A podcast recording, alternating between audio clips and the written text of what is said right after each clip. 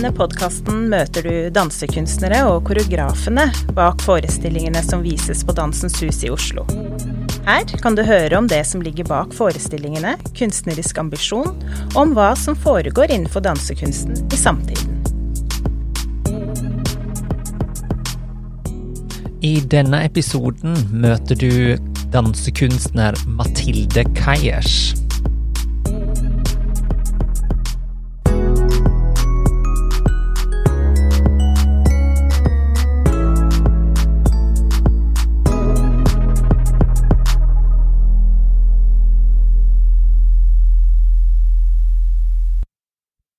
Mathilde Kajers er en dansekunstner som siden hun ble uteksaminert med en bachelor i dans fra Liverpool Institute for Performing Arts i 2018, har bodd og arbeidet i Tromsø. Og siden den gangen har hun skapt fire koreografiske verk, der to er valgt ut til å reise på turné med Dansenett Norge. For tida jobber hun med en virtuell virkelighetsdansefilminstallasjon som skal stilles ut på Interkulturelt museum i Oslo i 2023. I sitt kunstnerskap utforsker hun blant annet filosofiens ibuende natur innenfor science fiction med mål om å presentere flere spørsmål enn svar om menneskelig eksistens, skaper Kajers spekulative framtidsscenarioer og tankeeksperimenter med fokus på fri bevissthet, sjølve, autonomi, tid og transhumanisme. Denne våren er Mathilde aktuell med forestillinga New Religion her på Dansens Hus.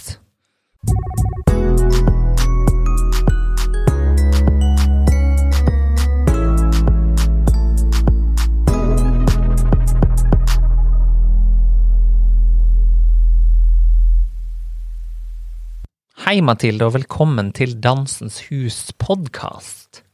Tusen takk. du, um, hva gjorde at du blei dansekunstner? Jeg begynte å danse når jeg var 14, så jeg begynte mm. ganske seint. Og jeg gikk på sirkus før det, og, eh, og gikk på Steinerskolen før det, og hvor vi også hadde en del bevegelse og sang i kor. Så jeg har alltid vært veldig glad i å å uttrykke meg med kroppen. Og så har jeg også foreldre som hele tida har spilt av musikk i stua. Så det har vært en veldig naturlig del av livet mitt å, å bevege meg og, og, ha det gøy mm. i stua. Mm. Men ut av alle måte, fritidsaktivitetene jeg hoppa på som barn, så var det dansen som, som passa meg best. Og det var jo samtidsdansen, eller moderne dans, jeg starta med først på kulturskolen i Tromsø. og jeg tror det bare var den der friheten, at jeg kunne komme inn i rommet og bare, bare være meg. Mm. Um, som jeg tror uh, gjorde at jeg bare fortsatte, rett og slett. Mm. Og så har det vært et naturlig valg helt siden, helt siden da å fortsette med dansen. Ja. Mm. Så det som trakk seg mot dansen, var rett og slett at dansen ble et slags sånn mulighetsrom for å bare kunne være den du vil være? Ja, rett og slett. Ja. Det, det jeg, jeg, trengte på en måte ikke å, latt som jeg var noe annet. Og jeg har hatt mange gode lærere som har eh, jeg, har, jeg beskriver meg alltid som en litt, eh, litt, merkelig unge. Som, et merkelig barn som eh, var litt hengslete. Og jeg trengte å riste meg litt løs, tror jeg. Og. Og ja. Jeg, ikke, jeg, er ikke så flink til å legge på noe sånn filter, og jeg tror det var I dansen så var det veldig lov å, å bare være litt rar. Ja. Og det likte jeg veldig godt. Fint. Ufiltrert. Det er deilig.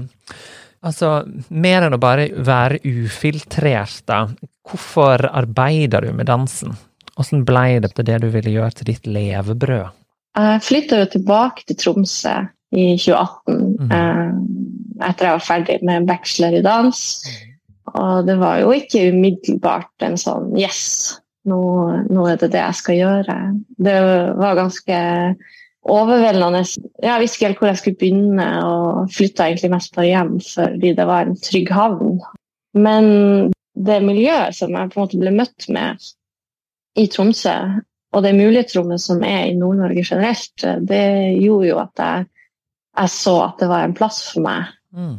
Og, og, selv om det ikke er noen faste arbeidsplasser for dansere i Tromsø og Nord-Norge generelt, så, så ble det, fort, det ble fort veldig tydelig at jeg måtte skape min egen arbeidsplass.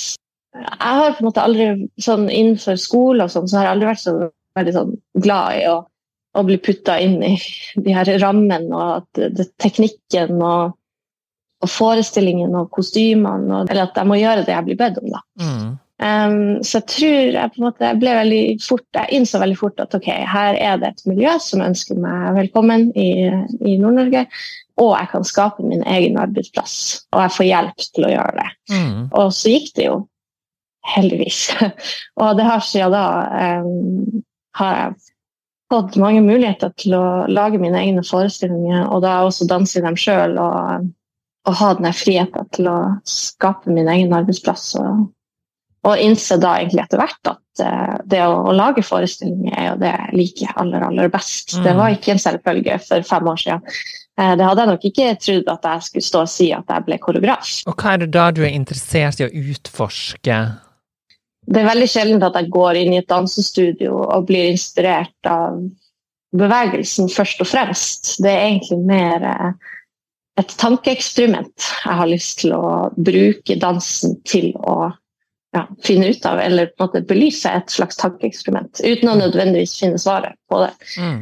En naturlig uh, retning for meg har jo da vært uh, science fiction-sjangeren, faktisk. Mm. Hvor på en måte spørsmål rundt uh, eksistens og etiske spørsmål kommer fram i ulike tankeeksperimenter. Og jeg på en måte bruker dansen til å leke meg litt med hvem er vi, og hva er essensen av oss og mm. de store eksistensielle spørsmålene om mennesket, egentlig. Mm. uh, og det er jo Da, da kommer jo science fiction-sjangeren veldig fint inn. Jeg liker at det, det er gøy. Science fiction-sjangeren er jo òg på mange måter politisk, fordi at den belyser om en slags utopi eller dystopi, altså noe som mangler, eller noe forferdelig som kan skje. Jobber du politisk eller har du en politisk agenda med arbeidet ditt? Jeg er egentlig mer bare interessert i å få folk til å stille mer spørsmål rundt seg sjøl og sin mm. egen virkelighetsoppfatning og sin egen eksistens, rett og slett. Mm. Og egentlig bruke på en måte sjangeren til å få fram litt sånne spekulative, fiksjonelle scenarioer hvor virkeligheten som vi kjenner den, eller som vi tror vi kjenner den, på en måte blir brutt opp og satt sammen igjen i litt sånn morsomme, absurde, skumle og nesten utenkelige sammensetninger mm. igjen. Og at det på en måte kan pirre fantasien til den som opplever det, mm. til å se på virkeligheten her og nå på en litt annen måte, rett og slett. Mm så vil jo egentlig mer at det skal være en, sånn, mer en personlig reise for den som opplever det, enn at det skal stille større politiske spørsmål. Ja. Men samtidig så er jeg jo personlig veldig opptatt av å også bruke tankeeksperiment om framtida for å, å, kunne jobbe med at teknologien utvikler seg så raskt. Mm. Og at lovverket ikke helt klarer å følge etter. Mm. Så det å på en måte ta for seg eh, tankeeksperiment som egentlig føles helt absurd og utenkelig at det kan gå an, for å på måte se på hvordan lovverket kan utvikles i dag. Det er en ting som interesserer meg også. Um, å bruke på en måte ja, tanker om framtida for å forbedre nåtida og framtida.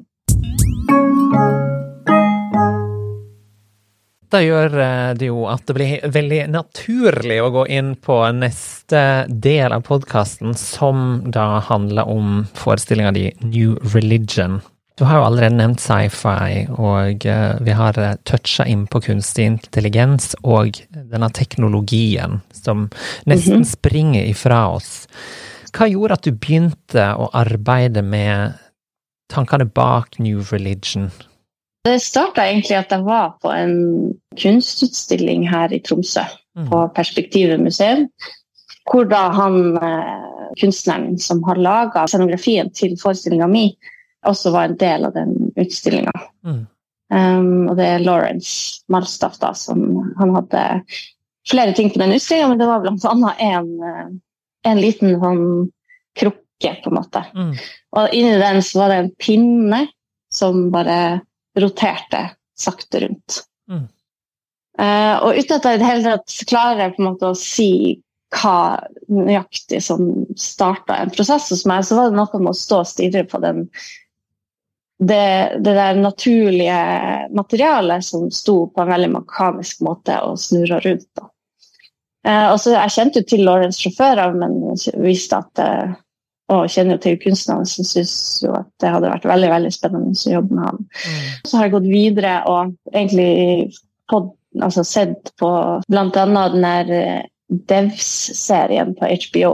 Eh, den var sånn wow, den sprengte hodet mitt litt. Og, eh, og da begynte det å brygge en sånn eh, tanke om, om tematikken. Eh, og så begynte jeg å gjøre research, da. Uten å nødvendigvis tenke at jeg skulle lage en forestilling, men bare fordi jeg var eh, veldig interessert i, i kunstig intelligens. da. Utviklinga av det, og egentlig teknologien generelt. Hvordan den egentlig er, er mye nærmere oss og har mer kontroll over oss enn vi kanskje tør å innse. da. Og så kom jeg jo over en, en eh, fantastisk setning, da, eller et paragraf, fra en eh, filosof som heter Pierre Simon Laplace. Og han betegner liksom Laplaces demon. Det er liksom en demon som Hvis den vet posisjonen og bevegelsen til alle atomene i universet, så vil den også kunne spå framtida med 100% nøyaktighet. Han var jo den første som beskrev litt den der ideen om at verden er determinert, og at alt som skjer før, leder oss på en måte opp til her og nå. Og Da begynte jeg også å tenke på i dag og det at teknologien som omringer oss i veldig stor grad, og er en veldig stor del av oss og kroppen vår og livet vårt, den samler jo enormt mye informasjon. Man kan på en måte sammenligne kunstig intelligens eller teknologi med denne demonen til Laplace. Fordi det er en entitet eller et Mm. eller annet eh, som vet veldig, veldig, veldig mye om oss. Eh, og dermed også kan spå og manipulere framtida vår. Det du beskriver her, det er jo det en kaller determinisme. Så du bruker det, du syr det sammen med ideer rundt science fiction. Du bruker kroppen, sjølsagt, og du bruker denne installasjonen, scenografien, og syr sammen prosjektet New Religion. Åssen har du gjort det, og åssen har du jobba med kroppen? Ja, det, jeg blir veldig konfrontert med i sånne her prosesser at jeg bruker veldig mye tid på å, å bygge opp måte, tanken bak eller målet med forestillinga. Og så eh, kommer jeg i studio og møter installasjonen og møter danserne. og så eh, det, det jeg faktisk syns er det vanskeligste. Men så gjør man det på en måte likevel. Det har vært mitt største prosjekt hittil, og, og mange valg som må tas til visse tidspunkter. Eh, så jeg har på en måte også måttet stole på valgene mine i veldig stor grad i denne prosessen, og håpe på det beste. Så f.eks. med den installasjonen, da. Eh, jeg visste jo hva den var før eh, vi begynte å jobbe med den, for det er en installasjon som Lawrence lagde allerede i 2004. Men det er jo da seks fire meter høye vegger som kan eh, som roterer og beveger på seg, og som da blir en slags labyrint man kan gå inn i med kroppen sin og egentlig ikke ha noe kontroll over sin egen kropp, fordi veggene bestemmer hva slags rom du får lov å gå inn i, og når du må gå ut av det. Noe av det første jeg måtte gjøre, var jo å ta valg på hvordan installasjonen skulle bevege seg. Så det var ikke rom eller tid for å, å jobbe så mye med, med, dansen og installasjonen. Jeg kunne ikke endre så mye på installasjonens bevegelsesmønster mens vi jobber med danserne. Som egentlig kanskje var en fin ting, fordi da hadde vi et veldig satt rammeverk, og så kunne vi fylle dansen inn i det. Men på en måte, det aller største målet var jo å skape en slags illusjon i i både dramaturgien og bevegelsesmaterialet om at danserne blir leda av installasjonen gjennom hele forestillinga uten at de innser det sjøl. Det er på et uttrykk vi har hatt lyst til å jobbe fram. Den der følelsen av at de lever på en måte i en, Mm. i en verden eller i et scenario hvor de på en måte blir leda uten å, å innse det sjøl. Og da ble det jo på en måte veldig naturlig å ta utgangspunkt i følelser, faktisk, for å, å, utvikle bevegelse. Rett og slett fordi egentlig vi i, i vårt dagligdagse liv også eh, tar på en måte valg eh, som springer ut av følelser. Vi føler veldig sterkt på de valgene vi tar. Men det kan jo i veldig stor grad være en slags, gi oss en illusjon av at vi har fri vilje. Fordi vi føler så sterkt at det er vårt valg. Men eh, det er jo mange ting som kan, kan påvirke oss, og det er veldig lett å glemme at vi blir påvirka. Eh, at det egentlig til syvende og sist ikke er vårt valg. Og, eh, og så er det jo et spørsmål om vi i det hele tatt har fri vilje, da. Det kan man snakke om lenge, så det er, det er et åpent spørsmål som jeg kan la henge i lufta. Er du rett og slett koreograf over rammeverket, scene, mm -hmm. nei, unnskyld meg, scenografien, danserne? Fungerer ikke du da som denne her determinisme-demonen som du beskrev ja. tidligere? Det, det, kan man jo definitivt si. Um, men samtidig så Jeg føler jo at jeg har satt et veldig sterkt rammeverk. Eh, leda opp mot prosessen, og spesielt med installasjonen. Den har jeg definitivt koreografert i veldig stor grad.